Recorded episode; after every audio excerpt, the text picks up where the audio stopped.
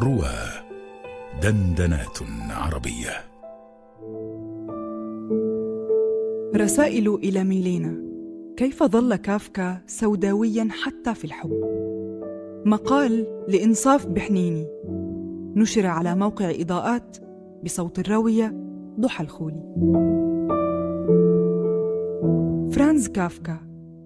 من 1883 حتى 1924 كاتب تشيكي ولد ببراغ لعائلة يهودية ناطقة بالألمانية ومن الطبقة المتوسطة رائد الكتابة الكابوسية ويعد أحد أفضل الأدباء الألمان في فن الرواية والقصة القصيرة. عاش حياته معذبا يائسا وفاقدا للأمل في كل شيء. لكن أجمل سنوات حياته كما يقول هو هي عندما تعرف إلى ميلينا وبدءا بتبادل الرسائل. رسائله إليها جمعت في كتاب رسائل إلى ميلينا بينما فقدت جميع رسائلها هي ما شكل خسارة فادحة وانقطاعا لهذه الرسائل المتفردة بين روحين قلقين متقلبي المزاج في هذا المقال نعرض لفحوى هذه المناجاة بين هذا الكاتب الكبير ومعشوقته المتميزة ميلينا التي لم يقدر لها أن تنتهي نهاية سعيدة. كافكا المعذب البائس. كان هيرمان والد كافكا رجل أعمال يوصف بأنه طاغية ومستبد وكان غير موافق على سلوك ابنه طريق الأدب والكتابة. كتب له كافكا رسالة طويلة بعنوان رسالة لأب بث فيها كل مشاعره ومعاناته التي عاشها معه منذ طفولته لكنه لم يرسلها إليه. وتعد هذه الرسالة من أهم المداخل نحو فهم أعمق لشخصية كافكا. في رسائله لميلينا يتحدث كافكا عن هذه الرسالة فيقول ما أخافه وعيناي مفتوحتان على اتساعهما بعد أن غرقت في أعماق خوفي عاجزا حتى عن محاولة النجاة. هو تلك المؤامرة التي تقوم في داخلي ضد ذاتي. تلك المؤامرة وحدها هي ما أخشاه. وهذا ما ستفهمينه بصورة أوضح بعد قراءة رسالتي إلى أبي. وإن كنت لن تفهمي ذلك منها تمام الفهم مع ذلك لأن تلك الرسالة قد وجهت في إحكام بالغ نحو هدفها.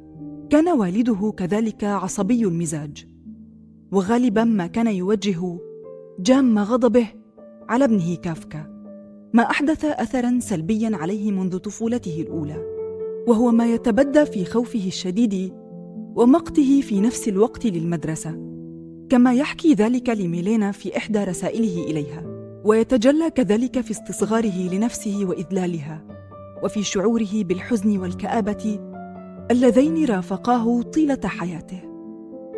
حياته الاجتماعية لم تكن تسير على ما يرام. فقد خطب مرتين أو ثلاث مرات بالأحرى حيث خطب فتاة منهما مرتين لكنه في كل مرة كان يفسخ العقد وربما كان ذلك بسبب قلقه ومرضه. فمن المتفق عليه عموما أن كافكا عانى الاكتئاب الإكلينيكي والقلق الاجتماعي طوال حياته كما عانى الصداع النصفي والأرق وغيرها من الأمراض التي تأتي عادة بسبب الضغوط والاجتهاد المفرط.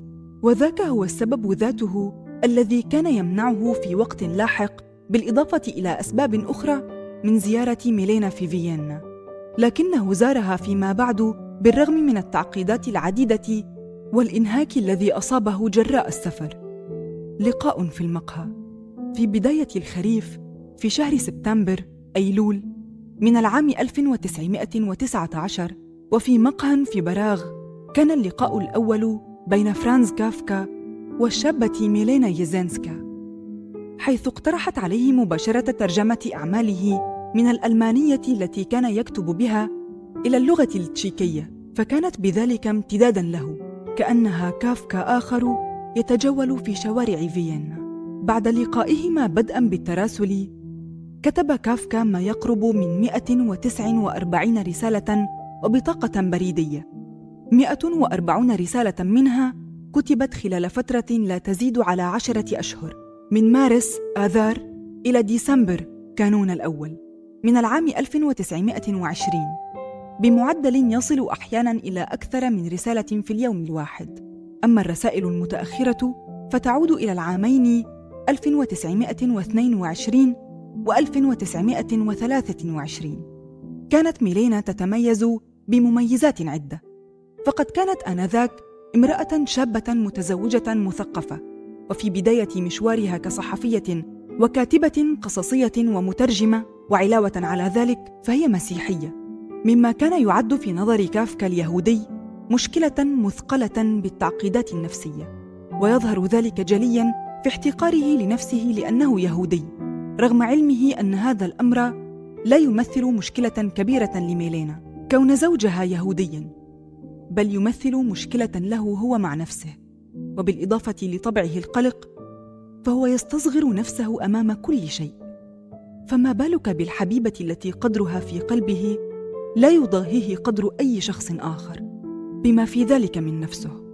ميلينا أنت بالنسبة إلي لست امرأة أنت فتاة. فتاة لم أر مثلها قط من قبل.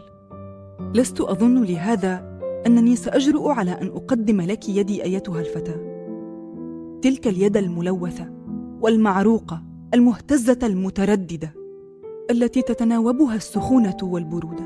أتعلمين يا ميلينا؟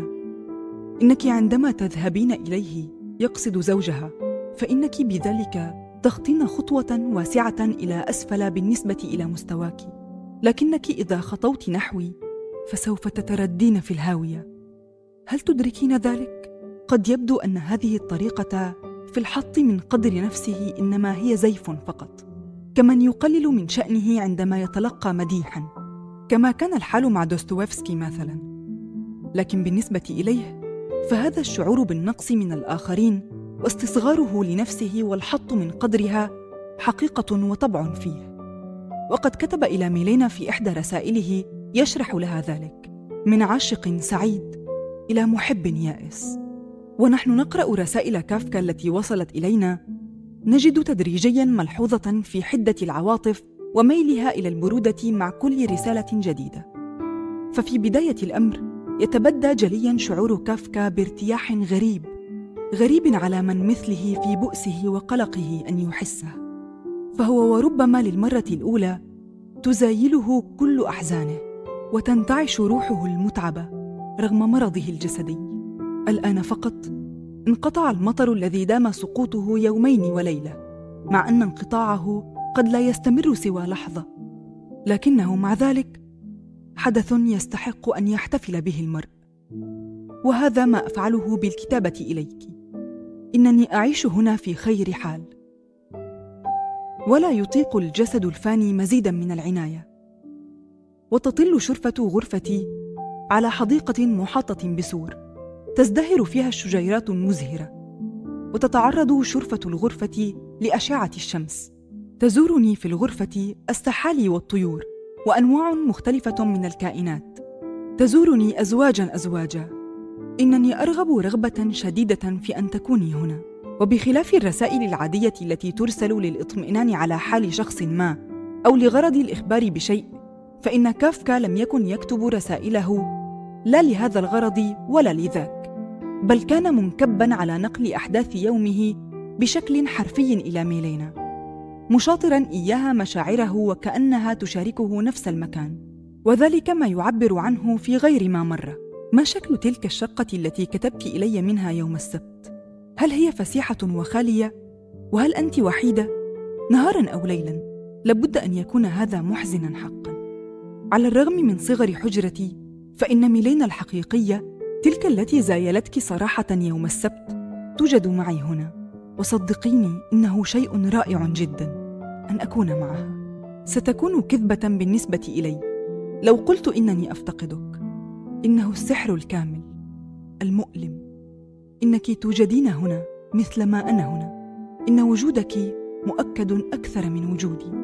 إنك تكونين حيث أكون. وجودك كوجودي. وأكثر كثيرا من وجودي في الحقيقة. لكن الإحساس بالسعادة والارتياح لا يدوم طويلا مع كافكا. فها هي الغيرة تنخر قلبه ويبدأ كل منهما في إلقاء اللوم على الآخر. كانت كثيرا ما تلقي اللوم عليه لخوفه الشديد غير المبرر في كثير من الأحيان والذي أصبح مسيطرا عليه حتى أصبح تهديدا دائما له. إنني أرتعش فحسب تحت وطأة الهجوم. أعذب نفسي إلى درجة الجنون. في الحقيقة حياتي وجودي إنما يتألف من هذا التهديد السفلي.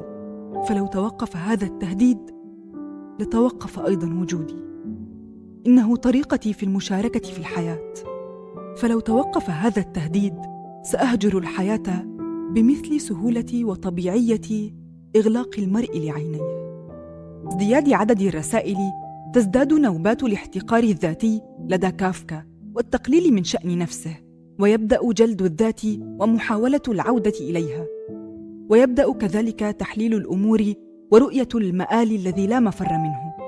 يجب أن تتدبري أنت أيضا يا ميلينا نوع الشخص الذي خطى نحوك. إن رحلة الثمانية والثلاثين عاما تستلقي خلفه.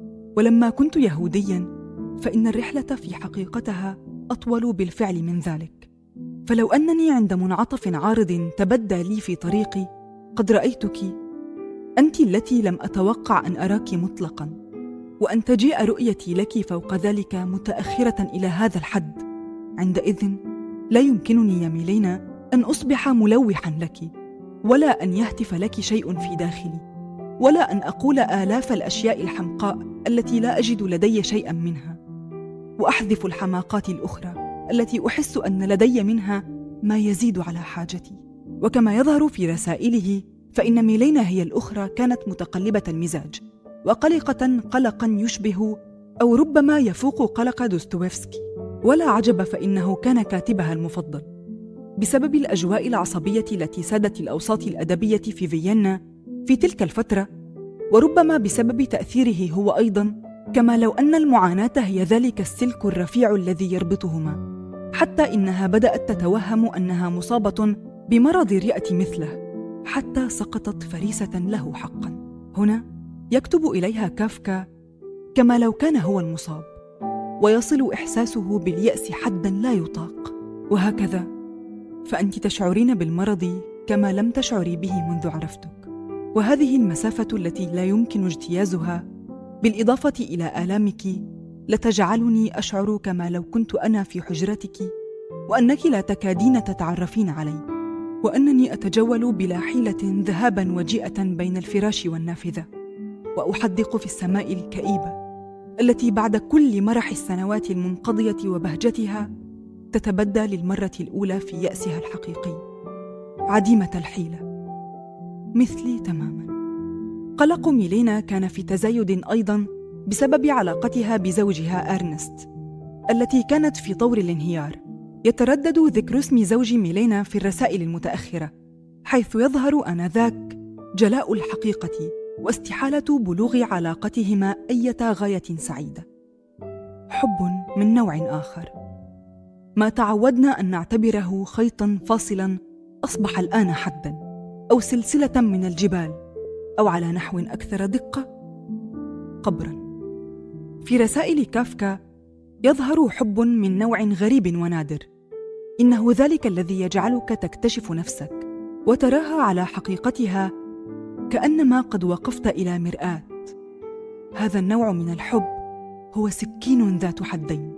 إذ كما لك الامتياز في أن تكتشف في نفسك ما لم تكن تعرف قبلا فإنه في ذات الوقت تتجلى عيوبك أمامك كلها واضحة. في مقابل صفات الآخر المتناهية الجمال. إنني أعيش في قذارتي. فهذا هو ما يشغلني. لكن أن أجرجرك إلى داخلها أيضا فهذا شيء مختلف تماما. إن الشيء المزعج هو شيء بعيد بالأحرى حيث إنني من خلالك أصبح أكثر وعيا بقذارتي على نحو زائد. ومن خلال وعي يصبح الخلاص أكثر كثيرا في صعوبته. رسائل كافكا هذه الفريدة من نوعها تكشف لنا معدن هذا العاشق الذي لم يمر على معبد المرأة كما مر أسلافه وخلفه من العشاق. كان حالة خاصة متفردة ورغم النهاية التي تبدو مألوفة في مثل هذه القصص لكن أحداثها لم تكن عادية ومألوفة. كون من نسج خيوطها شخصا غريبا محبا بائسا.